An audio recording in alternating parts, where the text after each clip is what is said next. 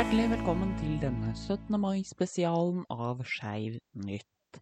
Det er den internasjonale dagen mot homofobi og transfobi, i tillegg til å være den norske grunnlovsdagen, så det vil vel i grunnen være flaut å åpne med noe annet enn gratulerer med dagen. Dette er en bonusepisode som kun kommer ut fordi det er 17. mai, og skal ikke etter planen påvirke nyhetenes vante gang. Ettersom denne episoden har en helt annen struktur enn din standard nyhetsoppdatering, så kan, du vel, kan jeg vel denne gangen begynne med å introdusere meg selv, og ikke fortelle hvem jeg er i avslutningen.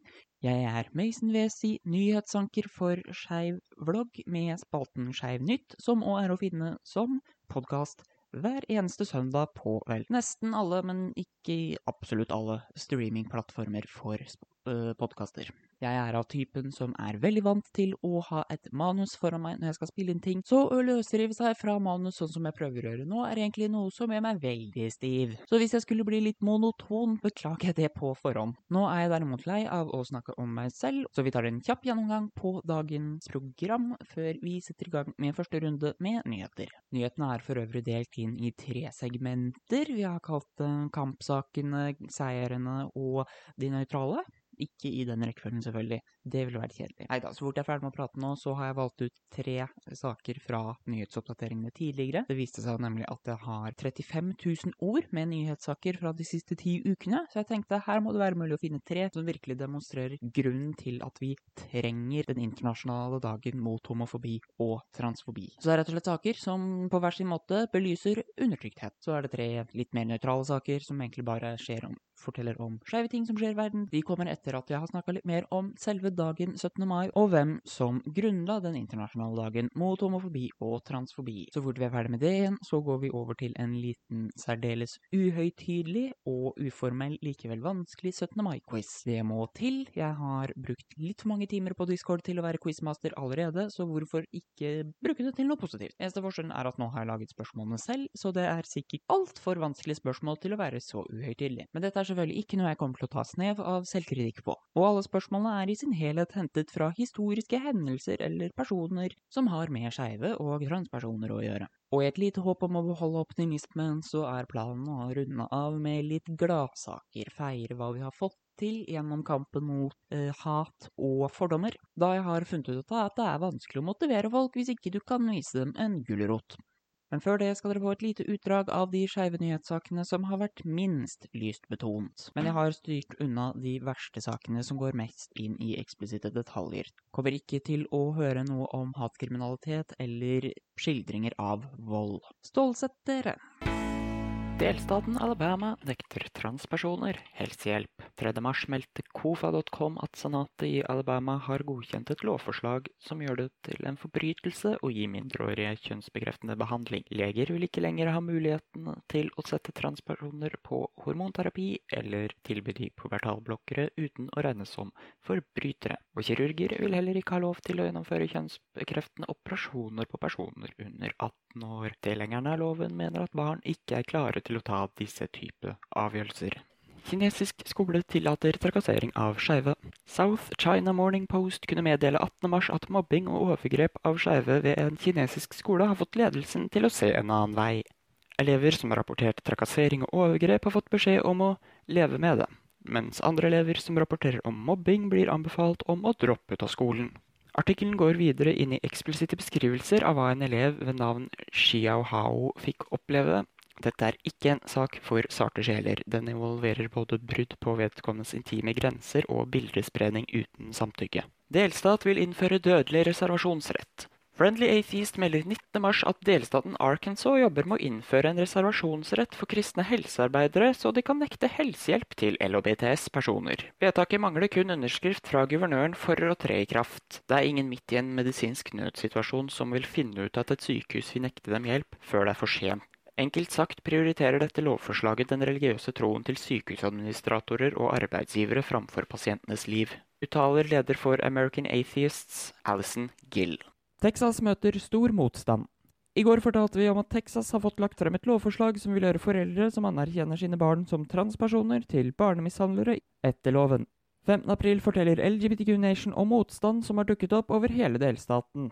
Var en av mødrene som møtte opp i Senatet for å tale sin egen og sin sønns sak. Her er et utdrag fra den følelsesladde appellen hennes. I'm terrified because I'm the parent of a transgender child, and I'm afraid that by speaking here today, my words will be used against me, and my sweet son, whom I love more than life itself, will be taken from me. I want you to know how hard it is for me to be here today. I have a million better things to do than be here today, but this committee and the bill's authors somehow deems my son's private medical care more important than COVID relief for women owned small businesses, or making public schools safer, or fixing ERCOT. But we're all here, so let's do this. Today, my son is 13 years old. This is possible because he has parents who affirm him and provide him the support he needs. Taking that support away from him or worse, taking him away from his family because we broke the law to provide that support will have devastating and heartbreaking consequences. SB 1646 is a death sentence to transgender children across the state who will be denied life saving care. I'm almost done.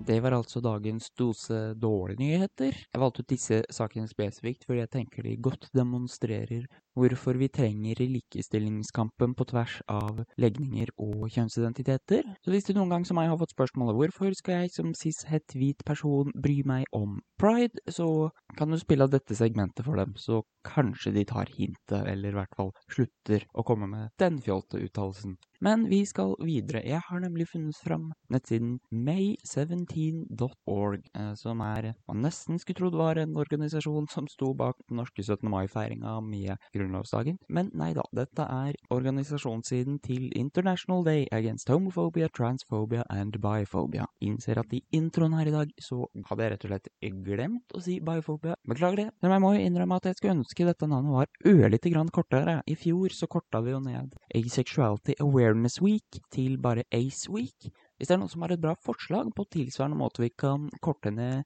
Nå sier jeg bare 17. mai, for at ikke det skal bli en like langt.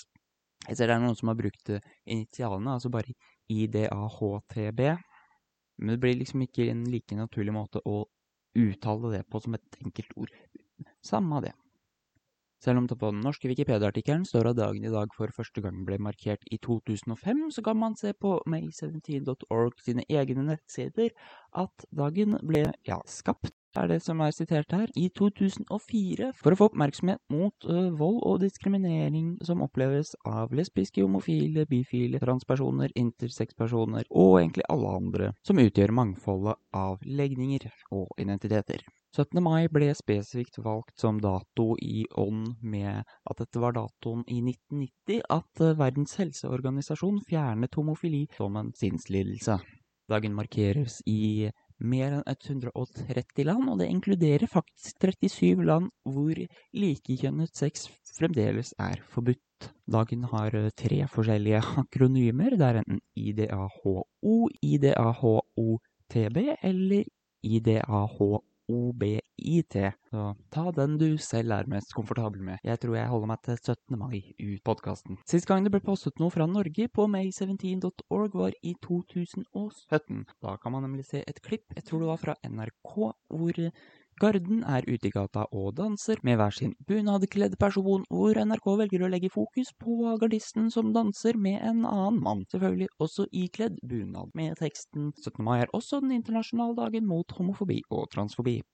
Og går man inn for å lese årsrapportene til altså, may17.org, så vil man også finne byer fulle av Regnbuer, folk ikledd diverse regnbuekomposisjoner av klær, fortau som er malt i regnbuens farger, generelt mye fine fotografier og kunst jeg tenker det egentlig kan være verdt en vær å ta titt på om man skulle føle seg ensom en dag. Særlig mer om historien bak dagen står det ikke spesifisert på may17.org, annet enn at de for noen år siden valgte å gå vekk fra begrepet intersexism og bytte ut med intersexphobia, da de innså at intersexism kunne være litt tvetydig og vagt. Det tenker jeg vi kan kalle dagens historietime. Nå tar vi en ny runde med nyheter.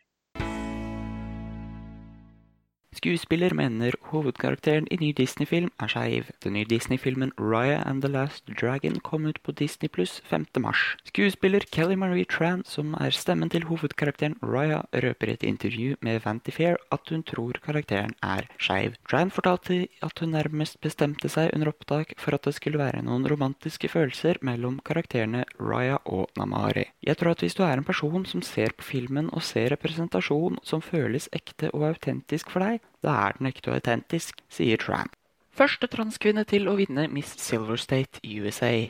Pink News melder 19.3 om Cataloon Enriquez seier i Miss Silver State USA. Enriquez har tidligere vunnet flere skjønnhetskonkurranser for transpersoner, men sier til Pink News at dette er den første gangen hun har deltatt i kvalifiseringen til Miss USA. Hun ligger nå an til å være den første transkvinnen i historien som får en sjanse til å vinne tittelen. Enriquez sier at det har vært mye styr med legeerklæringer og ufine spørsmål om detaljer for å bevise at hun var kvinne og får lov til å delta, men at hun nå gleder seg til Miss Nevada i USA. To tredjedeler av britiske transpersoner skjuler identiteten sin. Antallet transpersoner som velger å skjule identiteten sin på jobb, har gått kraftig opp de siste årene. Dette skriver The Guardian 22.3.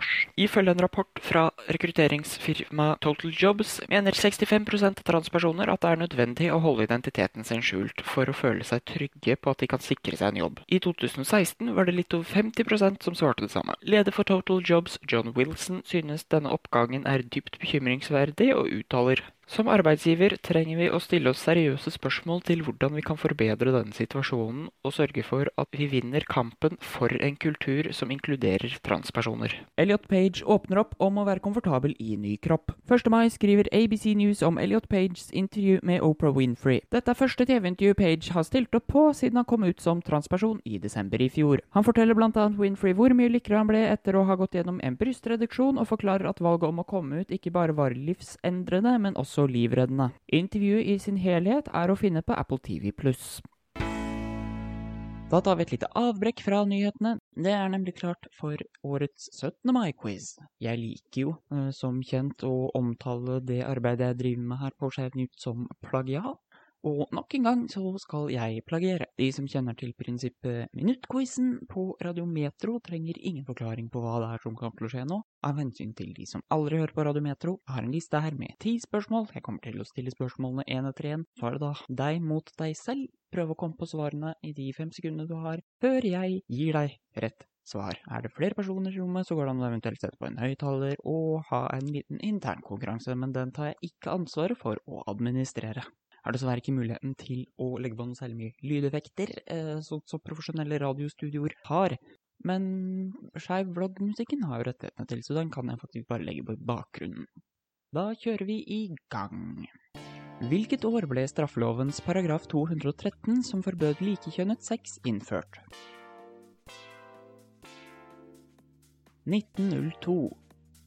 Hvilket år ble straffelovens paragraf 213 avskaffet? 1972. Er konverteringsterapi lov i Norge i dag? Ja. I hvilket år ble homofili avskaffet som diagnose? Her kan det være tre ulike svar, avhengig av hvordan du ser på det. Først i 1977 i Norge av staten, deretter i 1982 av NPF, og i 1990 hos WHO. Hvilken dato fikk norske likekjønnede par endelig lov til å gifte seg? 1.1.2009, da partnerskapsloven ble opphevet. Hvilket land var det første til å innføre et tredje juridiske kjønn? Australia i 2003.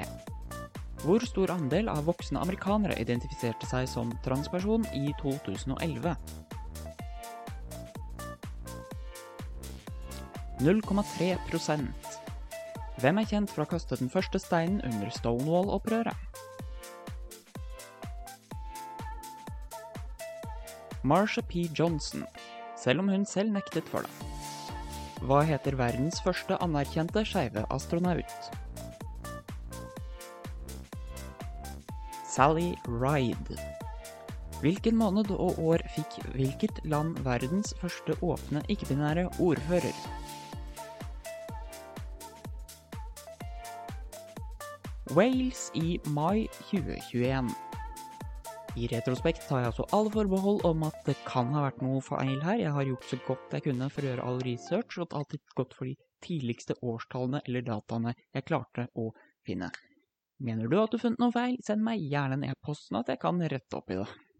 Men nå som det er sagt, tenker jeg vi går videre til dagens utvalg med glade nyhetssaker som vi feirer suksessen av kampen mot homofobi og transfobi.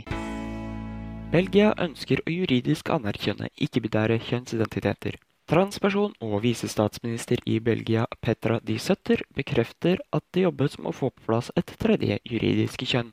De Sutter sier i et intervju vi kommer til å reformere kjønnsloven til å spesifikt beskrive situasjonen til ikke-binære, og legger til vi har allerede et godt system for juridisk kjønnsanerkjennelse, men det har oversett ikke-binære personer. Saken er skrevet av Pink News 12. mars. Delstater støtter opp om skeive veteraner. Flere skeive som har tjent i det amerikanske forsvaret, har historisk sett opplevd å blitt kastet ut av tjeneste om legningen eller identiteten deres har kommet fram i lyset. For veteraner med lengre tjenestetid har dette betydd at de plutselig har mistet alle fordelene fra The Major Veteran Benefit Programs som bl.a. har bestått av skadekompensasjon, pensjonsordning og rabatt på helsetjenester. 22.3 kan Stripes.com meddele at New Jersey er en av delstatene hvor senatet nå innfører at veteraner kan få igjen fordelsrettighetene om de har fått en mindre enn hederlig dimittering, som det heter. Vedtaket vil stemmes over neste uke. Amerikanere motsetter seg transfiendtlige lover.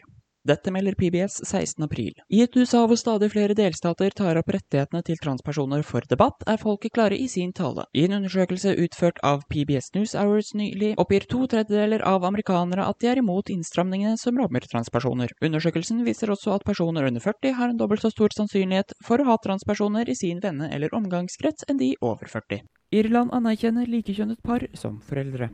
For seks år siden vedtok Irland en lov som ville tillate likekjønnede foreldre. 6. april i år skriver them.us om Geraldine Ree og Nima O'Sullivan, som for syv uker siden ble det første mødreparet som ble juridisk anerkjent som foreldre på fødselsattesten til deres datter. Forskriften tilhørende loven har blitt jobbet med siden 2015, og i slutten av 2020 ble endelig en prosess som krevde flere timer med diplomatisk arbeid fra foreldrenes side, automatisert. Likekjønnede ektefeller i Irland vil fremover automatisk være juridisk forelder for barn født av deres partner.